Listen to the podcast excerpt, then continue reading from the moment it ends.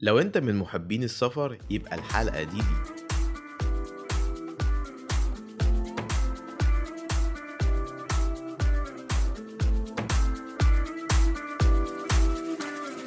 أهلا بيكم في الجزء الثاني من أثول كاست البودكاست اللي بيسلط الضوء على شخصيات عايشين حياتهم بطريقة مختلفة عن الحياة التقليدية. عندهم أفكار ومواهب مختلفة عن الباقي. من خلال البودكاست هتتعرف على طريقة تفكيرهم وأسرارهم اللي وصلتهم للمستوى اللي هم فيه. إيه اللي دفعهم إنهم يبدأوا من الأول وإزاي تعرف تمشي على خطاهم وتتعلم من أخطائهم؟ الشخصيات دي في جزء منهم هنستضيفهم عندنا وفي هنتكلم عنهم في البودكاست. أتمنى تتابعونا في الموسم الجديد من البودكاست على صفحتي على الفيسبوك والإنستجرام @أثولكاس وعلى اليوتيوب وتطبيق أنغامي على أثولكاس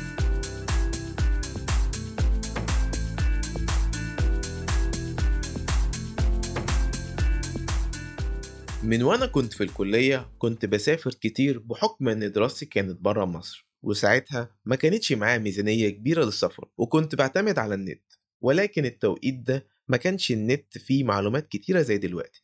كنت بجيب كتب نصايح للسياح لكل بلد كنت أروحها. وفاكر من الكتب السلسلة المشهورة بالإنجليزي اسمها Lonely Planet. الكتب دي أنقذتني كتير. قدرت أعرف حال بتعمل في السياح برا وأتفادى من سرقات كتير. من كتر ما شفت الحرامية اللي بتعمل حيل ديت كنت أنا اللي بضحك عليهم وألعب لعبتهم وأعمل نفسي مش فاهم. من فترة قريبة لقيت كتاب اسمه أساطير السفر السبع وكتاب اسمه هوستل لمؤلفة اسمها شيرين عادل. قعدت أقرأ الكتب بتاعتها ولقيت إن الكتب ديت فيها تفاصيل ومعلومات كتير عن السفر وبالعربي وبصيغة بسيطة قوي. شيرين بتشوف السفر من منظور تاني خالص إنك ما تكونش بس قاعد في أوتيل غالي بميزانية كبيرة. يعني إنك تكون مسافر وتتعرف على تقاليد البلد وتحتك بيهم أكتر وتقعد وتبات معاهم بميزانية أقل بكتير. أتمنى تعجبكم حلقة شيء.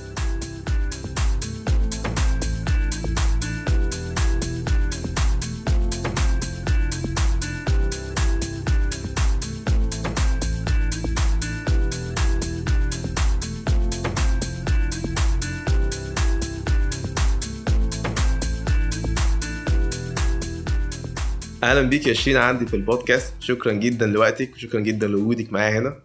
ميرسي يا سامر للدعوة اللطيفة دي ومبسوطة إن أنا موجودة مع ناس على بودكاست channel جديدة بالنسبة لي أتعامل من خلالها مع الناس يعني. في البداية أنا حابب أحييكي على كتابين اللي هو أساطير السفر السبع وهوستل. يعني أنا كنت من النوع اللي بسافر كتير بحكم دراستي كانت بره ولما ابتديت الأول أقرأ الكتب ديت كنت في الأول ما كنتش متوقع إن أنا هلاقي حاجة جديدة. ولكن اتفاجئت إن فيها معلومات جديدة زي مثلا موقع Price of Travel و Budget Your Trip الاثنين لهم علاقة بالميزانية السفر. أنا كنت بتعب جدا عشان أعرف أعمل ميزانية للسفر بتاعتي. وكمان اللي هو website اللي هو HomeExchange أو تبادل بيوت. فلا احييكي على الكتاب دوت وال info اللي فيه. ميرسي جدا. ويعني ده شهادة أعتز بيها إن أنت سافرت كتير وما زلت بتلاقي حاجات مفيدة في الكتاب. حابب أعرف نبذة سريعة عنك يا شيرين من بعد لما اتخرجتي لحد لما ابتديتي تكتبي كتب. Okay. أنا أصلا IT project manager ده ال career بتاعي. ابتديته من بعد ما اتخرجت في 2004 أنا خريجه computer science بس ما اشتغلتش programming خالص. أنا I shifted career على طول تقريبا بعد التخرج بسنتين ثلاث لل management أو project management لما ابتديت أسافر أسافر سياحة مرة في مرة ابتديت أكتب blog الأول بالعامية. وبعد كده ابتديت أفكر طب ما أنشر كتب لأن أنا كانت مشكلتي دايما وأنا بسافر إن ما فيش أي مراجع عربي أو يعني مصري للسفر. الكلام ده بكلمك في 2006 مثلا كان اسمه إيه ال blog ده؟ لسه شغال؟ لا لا مش active بس فكانت مشكلتي الأساسية إن أنا مفيش أي references عربي أو باللغة العربية. وما فيش حاجة خاصة بال culture بتاعتنا أو فاهمة دماغنا قوي. كل ال references Lonely Planet مثلا من أكبر ال tourist guides اللي في العالم سواء اونلاين أو hard covers يعني. فحسيت لو أنا ليه ما فتش الناس إن إن أنا بسافر؟ فبنقل لهم التجربة تجربة عملية يعني. فبقيت كل رحلة أطلعها بوثقها في في كتاب. فعملت أول حاجة الأولى باريس كان عن رحلة في فرنسا وهولندا. وتاني حاجة طلعت road trip في الأردن وسوريا ولبنان. فدي كان كتاب اسمه الفيروزية. دي road trip دي كانت لوحدك ولا كانت مع حد؟ آه كانت مع اتنين صحابي. بس كانت road trip يعني كنا طالعين من من أول نويبع ما معناش حاجة بنتحرك بمواصلات لغاية لما رجعنا تاني يعني. كانت سنة كام دي 2008 كان قبل الحرب طبعا و- وطلعنا الأردن وسوريا ولبنان ورجعنا تاني عن طريق برضو سوريا والأردن. آه، استخدمنا كل أنواع المواصلات اللي ممكن تتخيلها على الأرض يعني. وفي ال- وفي البحر كمان ركبنا عبارة تاكسيات و hitchhiking وميكروباصات وليموزين وكل انت تقريبا. مش متخيل إن ثلاث بنات يعملوا كده. أنا نفسي بخاف. هما كنا كان بنت وولد. كنا بنتين وولد. كانت مهلكة الصراحة لأن إحنا كان عدينا على 28 مدينة في في 14 يوم. فكنا حرفيا كل ليلة بنبات في مدينة مختلفة و during the day ممكن نعدي على مدينتين تلاتة كمان. بس كانت experience رهيبة طبعا. فكرة إن أنت بتسافر فعلا يعني low budget low budget بقى. plus إن أنت بتحتك بقى بالمواصلات العامة بتحتك بالناس. آه، مش مش سايح يعني. أنت مش مش رايح بقى سايح مرفه وفي أتوبيس مستنيك وفي عربية بتنقلك وكده ولا حتى طيارة يعني ما ركبناش طيارة. فأنت إن أنت تتحرك في الشوارع وإن أنت تتنقل من مدينة لمدينة وتعرف إيه المواصلات الافيلبل من مدينة للتانية ومد... في منها مدن صغيرة جدا يعني زي مثلا بعلبك في لبنان آه، الأردن مثلا كلها جبال فأنت بتتنقل بقى تطلع على جبال عالية جدا بعربيات وميكروباصات وأتوبيسات وأتوبيس يعطل فوق و... فكان في يعني تجارب كتير قوي. أكيد طبعا أكيد. بعد كده في 2010 رحت سويسرا و- والسويد وإيطاليا وده كان كتاب هوستل. ده تقريبا ده اللي عمل انت بومينج كاتبة التفاصيل في الكتاب دوت آه هوستل ابتديت بقى أركز شوية على فكرة ال tips إن أنا أدي للناس مش بس إن أنا بنقل لهم التجربة نفسها يوم بيوم آه لأ بديله tips كمان في النص إن أنت مثلا لو تنزل في ال hostel إيه أرخص حاجة؟ إيه أنسب حاجة ليك؟ شكل العيشة في ال hostel أصلا شكلها عامل إزاي؟ إيه ال expectations بتاعتك؟ ما تبقاش رايح expecting إن أنت هتبقى مثلا في أوضة single لأ أنت بتشارك مع ناس و... والمشاركه دي في حد ذاتها حاجة إيجابية مش حاجة وحشة زي الناس ممكن تفتكر.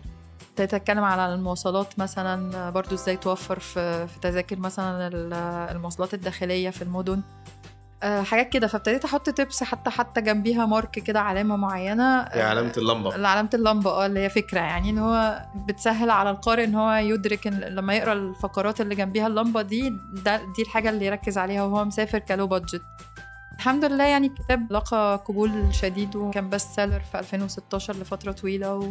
وعمل دلوقتي I think سبع طبعات. بعدها بقى قررت إن أنا أخد الموضوع ل next level شوية آه، في أساطير السفر السبعة إن أنا أنا مش هتكلم على رحلات هتكلم على رحلات آه بس في فقرات معينة من الكتاب بس ال target بتاع الكتاب هو إنه يبقى دليل شامل وكامل وعملي على إزاي تخطط لرحلة بميزانية محدودة. من من A to Z من أول فقرة التخطيط لل... أنا مسميها اساطير السفر السبعة عشان بحاول أفند كل ال misconceptions أو الأفكار الغلط اللي عند الناس عن السفر زي مثلا إنه بيحتاج ثروة كبيرة إنه آه، بنت ما ينفعش تسافر لوحدها عشان في مخاطر معينة إن التأشيرات مثلا آه، صعبة لا خصوصا لو ما سافرتش قبل كده إن الأكل مثلا في صعوبة في إن أنت تلاقي أكل حلال أنا آه، عاجبني في بره. حتة الأكل دي إن ناس كتيرة مش بتهتم بالأكل وهي مسافرة آه آه، هي فكرة إن الأكل سربرايزنج عن بعكس ما الناس كلها. ممكن تفتكر الأكل في الميزانية أي حد بيكلمك على ميزانيات السفر الدراسات المتخصصة يعني بيقول لك إن ميزانية الأكل هي أعلى جزء من ميزانية السفر كلها. بعكس ما الناس ممكن تتوقع إن الطيران أو المواصلات أو الإقامة هي أعلى بادجت هم في فرق حوالي 4% من ميزانية بتروح لصالح الأكل. يعني يعني لو الطيران 20% أو المواصلات 20% والإقامة 20% في 24% من ميزانيتك هتتصرف في الأكل بس. فالناس دايما ما بتركزش في الحتة دي. فتلاقي في الآخر الميزانية ضربت منهم لأن هم ما حسبوش أصلا ميزانية الأكل. آه بيعتبر إن هو عادي يعني أنا أروح ممكن آكل ب 2 جنيه في الشارع. آه بالظبط. بس فأنا آه، أساطير السفر السبعة اللي هم الأساطير الخاصة بسبع سبع بنود في السفر. الواحد لازم يفكر فيهم كويس قبل ما يسافر اللي هم بالترتيب التخطيط والمواصلات والإقامة والتأشيرة والأكل واللغة والسلامة أو السيفتي زي ما كنت بقول لك 20 إن أنا كنت بسافر كتير بحكم دراستي وبره وكده ولكن بعد لما حصل تعويم العملة من ثلاث سنين السفر بقى غالي علينا كلنا. وبقى عندي حاجز نفسي من السفر بره. أنا كنت بصرف مثلا من 3000 ل 5000 جنيه. مرة واحدة بقيت أصرف من 10 ل 15 في نفس. السفرية. في وجهة نظرك الواحد يقدر إزاي يكسر الحاجز النفسي ده؟ أول حاجة إنك لازم تأدبت لازم تتأقلم مع الموقف هتتأقلم مع إزاي؟ دخلك هو هو أو يعني زاد سنة بس طبعا كلنا متبهدلين في الموضوع ده إن هو مش مقابل ابدا للفرق اللي حصل بعد التعويم فكل حاجة فعلا غليت جدا وأولهم طبعا تذاكر الطيران. آه، بقت تقريبا double أو triple اللي كنا بندفعه زمان. الفكرة هنا إن أنت تغير من طريقة نظرتك للسفر نفسه. إزاي؟ أول حاجة مثلا ال destination نفسه الجهة اللي أنت رايحها. معظم الناس أول ما بتفكر في السفر بتفكر في أوروبا. لسبب أو لاخر هو حلم حياة الناس كلها إن هي تروح أوروبا. بس أنا حتى من قبل التعويم كنت بكتب في كتب دايما إن أوروبا مش جنة وهنا مش نار. أنت رايح بلد جديدة فيها حاجات كويسة وفيها حاجات وحشة. فما تفكرش إن أنت لما تروح هناك هو ده الالتيميت يعني. فحاول تغير اتجاهك شوية من أوروبا لأن عملتها الأساسية اليورو فطبيعي كل مصاريف السفر هتبقى غالية عليك. في مقابل إن في دول تانية اولا تأشيرتها أسهل بكتير زي Far East أو أو جنوب شرق آسيا. اولا تأشيرتها سهلة جدا في حاجات منها accessible أصلا من المطار يعني بتاخد شنطتك وتقطع تذكره وتسافر بعد كده بتاخد تأشيرة دخول زي زي نيبال مثلا. الهند مثلا بتطلع في 24 ساعة ولا حاجة.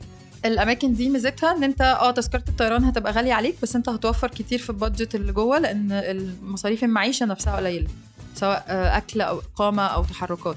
بس أنا معلش اقطعك في الحتة ديت. بس تذكرة السفر تقريبا ال double عن تذكرة أوروبا.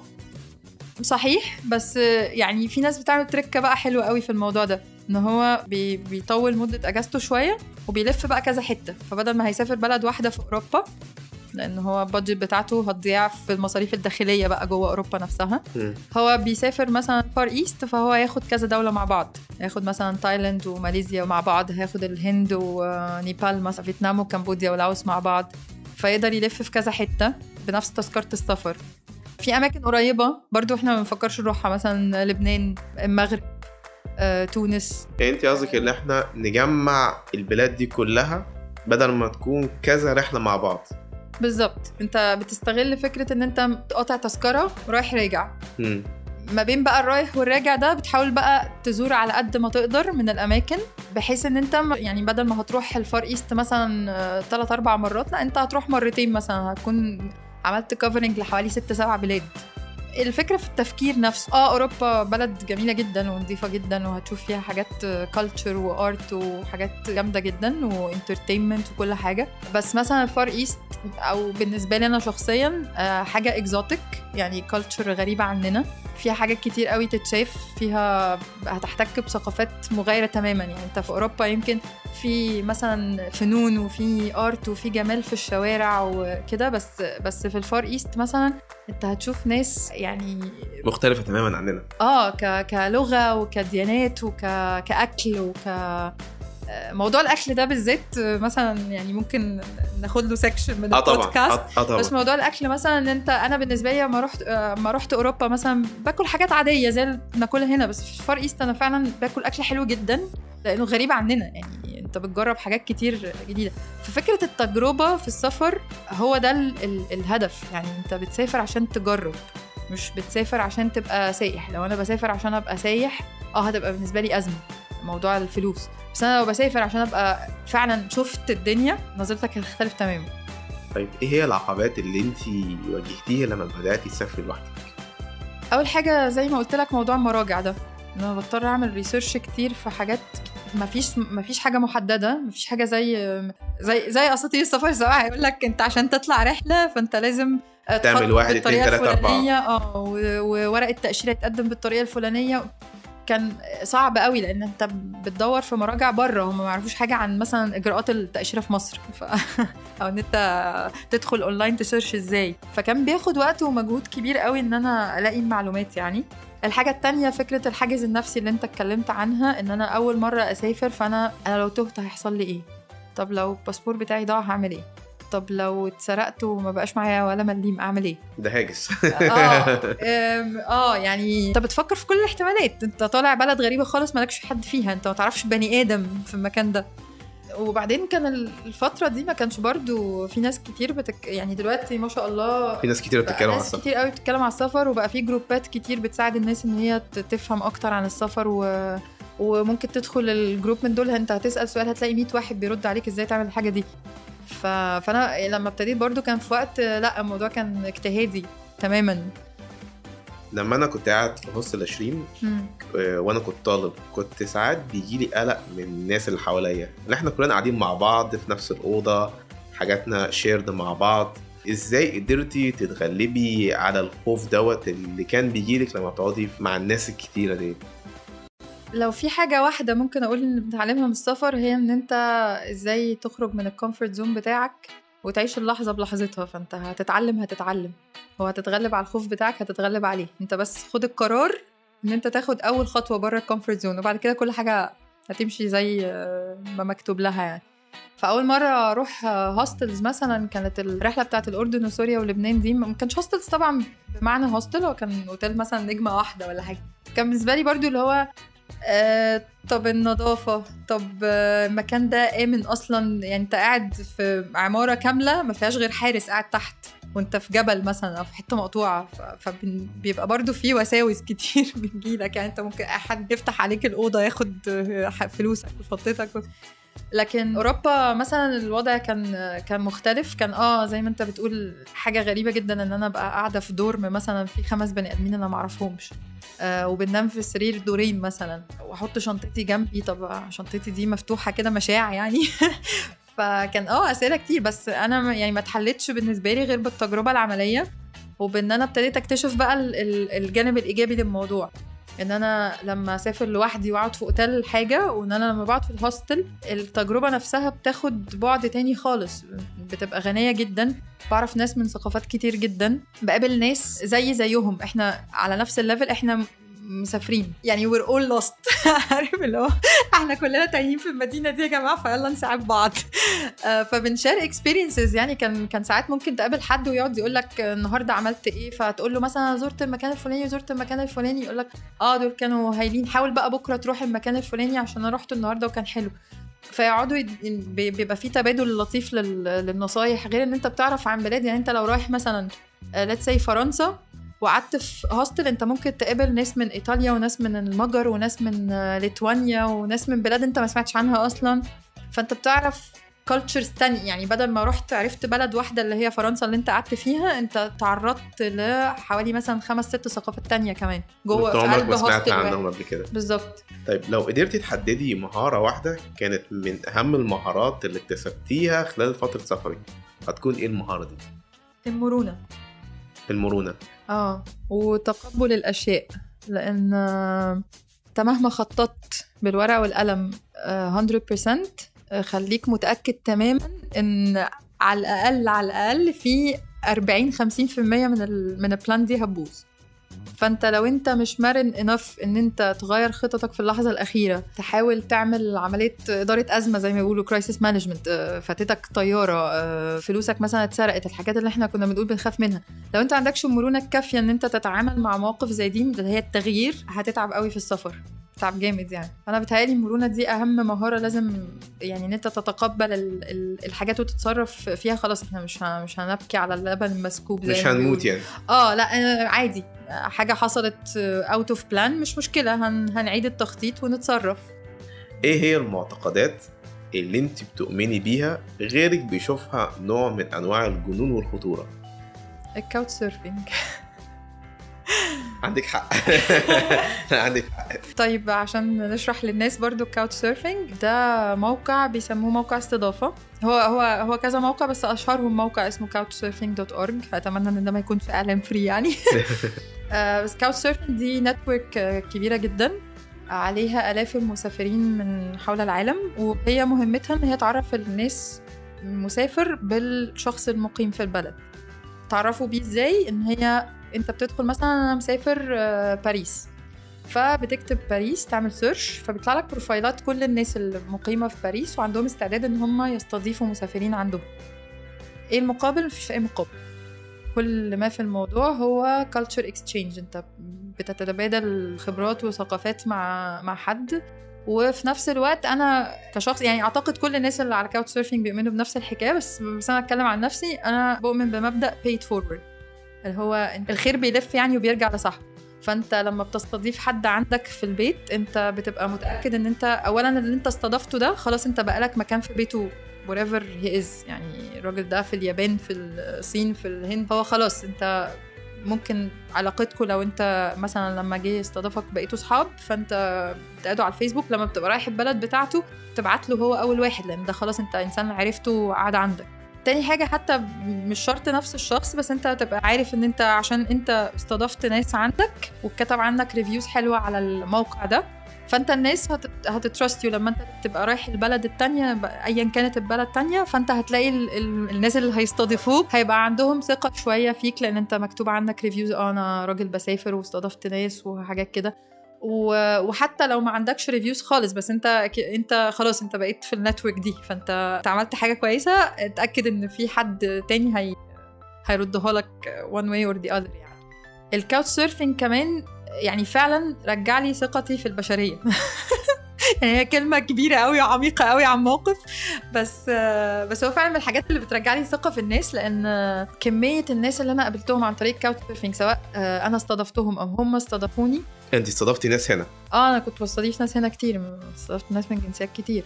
كمية الناس اللي أنا قابلتهم الموضوع مفهوم مش زي ما الناس فاكرة. الناس عندها فوبيا من القصة دي. آه الموضوع مختلف تماما. الناس دي بجد بتبقى جاية هي هي عايزة نومة وحد تتكلم معاه وحد يديلها شوية tips كده تتصرف إزاي في البلد الغريبة اللي إحنا عايشين فيها دي.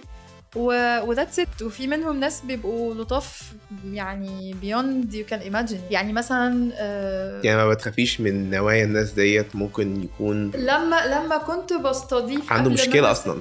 لما أنا كنت بستضيف ناس عندي مثلا آه قبل قبل ما أنا أسافر عن طريق الاستضافة كنت مثلا مستحيل إن أنا أدي مفتاح الشقة لحد.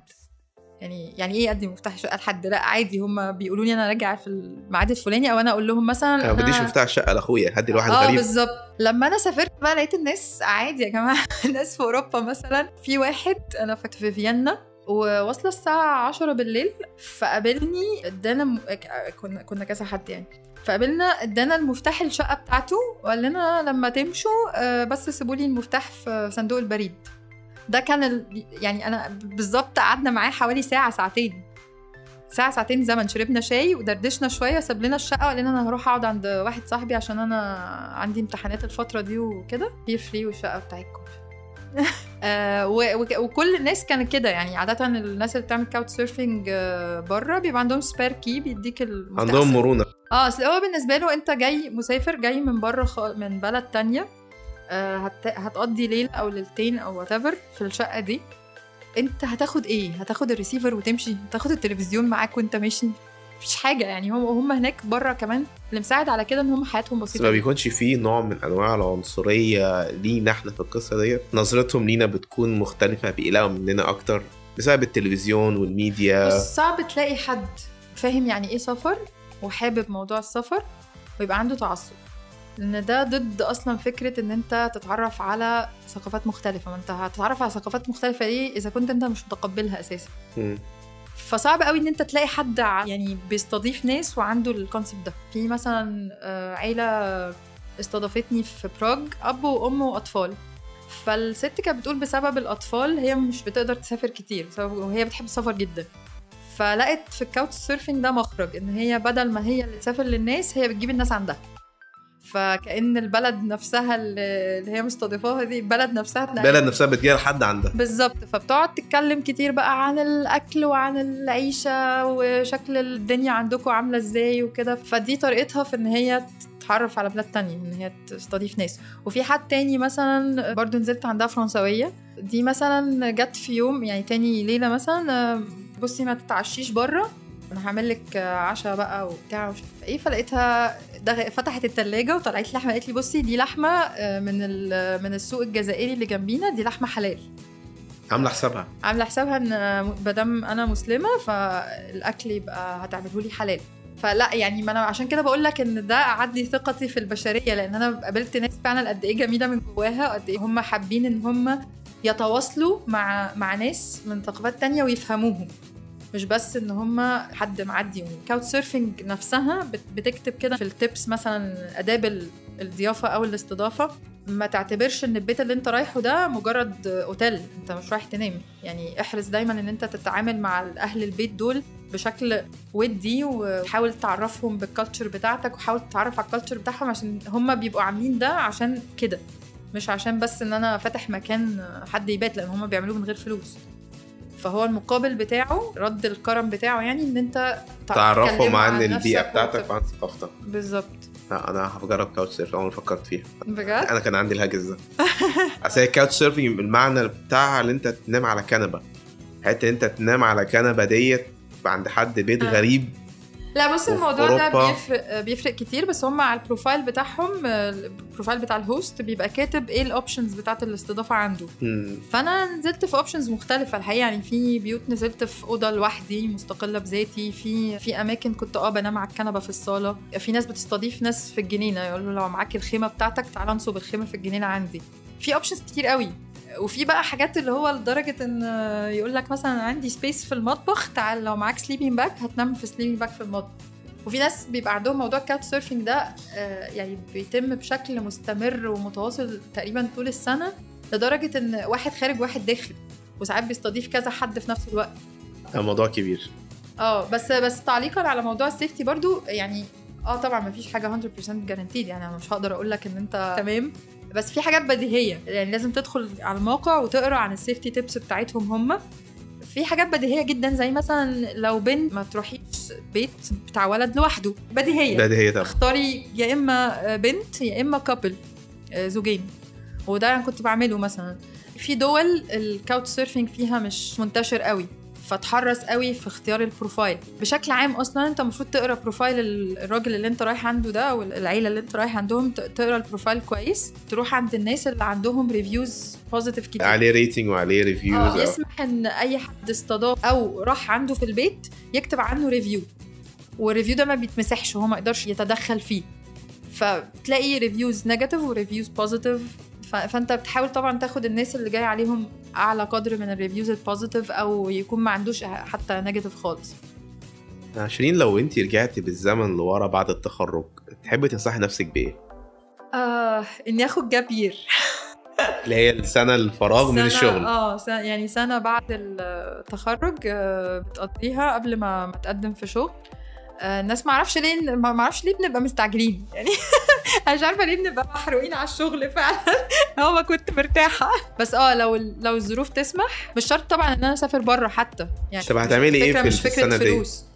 آه، ألف مصر كلها. طب دي انت ممكن تعمليها مش محتاجة gap year completely آه لا ما هو سفر عن سفر بيفرق. طريقة سفر عن طريقة سفر بتفرق. أنا بالنسبة لي لو هسافر gap year فعلا مش هرجع البيت. مش مش هرجع القاهرة أصلا. لا أنا هاخدها لف بقى يعني محطات. أنت بتقضي مش مش بس إن أنت في ال weekend بتطلع اسكندرية weekend تاني هتطلع بورسعيد و weekend تالت هتطلع إسماعيلية. لا أنت هتعيش معايشة كاملة. بس فيعني أنا بالنسبة لي مثلا مصر لأن أنا مصر لغاية وقتنا هذا يعني اتخرجت من مش لازم أقول من كام سنة بس آه، بالنسبة لي في أماكن كتير جدا مجهولة بسبب إن أنا ما عنديش وقت إن أنا أروح أستكشف الأماكن دي. وطبعا يعني السفر في مصر هيبقى بالنسبة لأي حد سواء يعني لسه صغير في السن أو حد آه، كبير بالنسبة له سهل جدا. وموضوع طبعا البادجت بتاعته أقل بكتير من إن أنت تسافر بره. فعشان كده لو أنا في ال gap year اللي هو أنا لسه خريج وباخد مصروف يعني وسهل إن أنا أسافر في مصر عن إن أنا أسافر بره. plus إن أنا ممكن أشتغل. يعني في أماكن مثلا رش توم مثلا ممكن تروح تقعد في camp ب- وتشتغل هناك. وتشتغل هناك وتبقى بتصرف على نفسك وعايش في المكان. ففي حاجات كده. أنا حاسة إن دي كانت هتفرق كتير قوي. يعني كانت هتختصر عليا سنين بعديها إن أنا أفهم الدنيا. برضه عشان الناس برضه تكون عارفة إحنا لما شيرين دخلت هي دخلت بهلمت. فهي بتحب الموتوسيكلات. أثناء لما كنت بقرأ الكتاب بتاع أساطير السفر قلتي أمثلة لرحالة أجانب زي رحالة اسمهم تيد سايمون وجو راست وكان فيهم حاجة مشتركة بار. ركوب أنا ما خدتش بالي. أهم واحد في بر وديف بار. وكان فيهم حاجة مشتركة هي ركوب الموتوسيكلات. هل دول كانوا السبب إن انت تحبي الموتوسيكلات؟ لا خالص. موضوع الموتوسيكلات ده ابتدى معايا أبسط من ذلك بكتير يعني. ابتدى الموضوع كحاجة عملية. أه لقيت ناس آه، زمايلي في الشغل بيركبوا سكوتر وكانوا بيقعدوا يكلمونا قد إيه هو بيوفر في البنزين وبيوفر يعني تركنه في أي حتة. وأنا كان عندي أزمة في الشغل في موضوع الركنة ده بالذات يعني. ركنة العربيه أي حد عارف ركنة العربية في القاهرة جحيم. ايا كان أنت فين في القاهرة. فبالنسبة لي ده كان أهم حاجة بقى فكرة إن أنا بختصر وقت طويل قوي في الطريق وفي الركنة وبنزين كمان موفر جدا. فقلت ليه لأ؟ فجربت موضوع السكوتر ده عجبني جدا. ابتديت بقى أختلط بال community بتاع الناس اللي بتركب scooters وموتوسيكلات وبتاع. فابتديت سنة سنة أشوف بقى موتوسيكلات عايزة أجيب حاجة أعلى شوية. لقيت الناس بتسافر بالموتوسيكل. طب ما أنا بحب السفر أصلا وبعرف أسوق موتوسيكلات. طب ما أسافر. طب بتسافري موتوسيكل امم ده في ناس بتخاف تمشي موتوسيكل في القاهرة. لا في ناس لفت العالم. على موتوسيكل عشان كده أنا ذاكرة الأمثلة اللي في أساطير السفر السبعة. آه، في ثلاثة بالنسبة لي أساطير يعني. آه، لما قريت القصة بتاعتهم أو اكشلي هم أربعة منهم اتنين أنا قابلتهم شخصيا.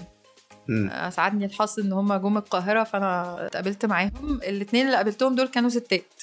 وده شيء مبهر تاني آه في حد. ذاته ده level تاني. عندك جو راست مثلا أول ست في العالم آه، تلف حوالين قارة أفريقيا بموتوسيكل لوحدها solo traveler وجت مصر قابلتها يعني مع مجموعة من ال bikers وطلعنا ride للهرم والقلعة ومش عارفة إيه فسحناها يعني في القاهرة. فدي أسطورة في حد ذاتها لأن هي قصتها كمان يعني ممكن تقروا أكتر عن قصتها في أساطير السفر السبعه بس هي قصتها فعلا impressive تاني واحدة impressive أكتر بكتير بقى أم إنجليزية عندها بنت عندها 8 سنين على اسم بنتي برضو اسمها صوفيا وهي عندها توحد البنت عندها توحد. فقررت تطلع رحلة من لندن لكيب تاون في South Africa بموتوسيكل ومعاها الموتوسيكل راكب فيه side car عشان بتاع تقعد فيه. وكملت الرحلة دي فعلا في حوالي مش فاكرة خدت يمكن 10 شهور أو حاجة. وكانت نزلت نزل من ضمن الرحلة يعني طبعا عدت على القاهرة. والحقيقة إحنا إحنا عندنا ميزة محدش بياخد باله منها إن القاهرة هي بوابة أفريقيا. فناس كتير جدا بتسافر بطرق كتير جدا يمكن أكترهم موتوسيكلات بس في ناس بتسافر بطرق تانية كمان عجل ومشي وحاجات كتير.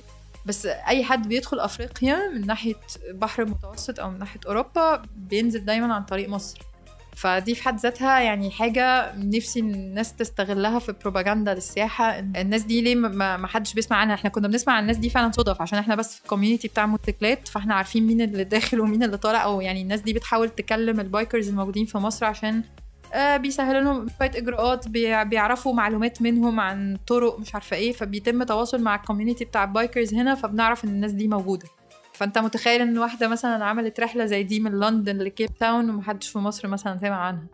واحدة زي جو راست اللي لفت أفريقيا كلها برضه محدش سمع عنها. إيه هو الكتاب الجاي يا شيرين اللي هتكتبيه؟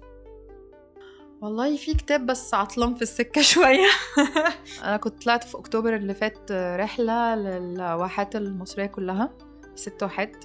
الفيوم وسيوة وبحرية فرافرة الداخلة والخارجة. وكنت عايزة أعمل كتابي عن الرحلة دي. أول مرة كنت هكتب عن مصر عن الواحات والحياة في الصحراء والناس اللي عايشة في الصحراء. بس هو عطلان شوية فاحتمال ياخد وقت. واحتمال ما يطلعش للنور خالص مش عارفة بس أنا بحاول. يعني كتبت فيه سبع صفحات ولسه عطلانين. لا لا لا. أنا متخيل هيطلع كتاب جميل زي الكتب اللي انت عملتيها. أنا مفاجئ بيها يعني لحد يعني لسه عارفها الأسبوع اللي فات بس. اللي هو أساطير السفر السبع يعني. أنا سعيد جدا باللقاء دوت وسعيد جدا بكل الخبرة والمخاطر اللي أنت خدتيها في السفر بتاعك يعني. احييكي عليها واحييكي على الكتب ديت وأتمنى ليكي كل التوفيق يا شيرين. ميرسي جدا وميرسي على تحضيرك الهايل. يعني الأسئلة كانت فعلا ملمة وشاملة وخلتني أطلع فعلا كل الحاجات اللي بحبها عن السفر والموتوسيكلات. بس وأتمنى نلتقي مرة تانية بإذن الله. نتكلم عن مصر والواحات بقى. باذن بإذن الله. شكرا جدا ليك يا شيرين ميرسي يا سامي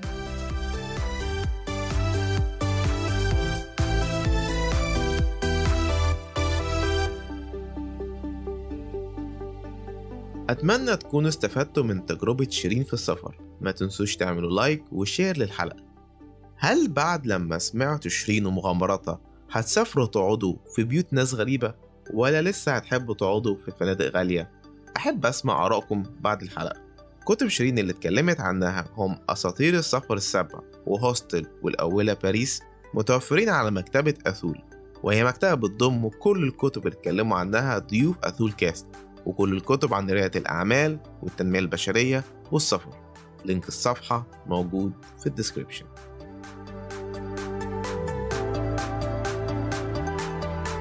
الناس بتشوف السفر إنها مجرد للفسحة إنك بتشوف بلد جديدة. أنا عاوزك بعد الحلقة ديت تغير تفكيرك عن السفر إنك تشوف السفر فرصة إنك تتعلم بيها مهارة جديدة. السفر بيزود قدرتك في حل المشاكل ومواجهة التحديات بيزود من إبداعك وبيخلي ثقتك في نفسك تزيد. ولو سافرت زي ما ما بتسافر مهارات التواصل هتكبر عندك. ممكن تلاقي فكرة موجودة بره تقدر تحل بيها مشكلة هنا في مصر.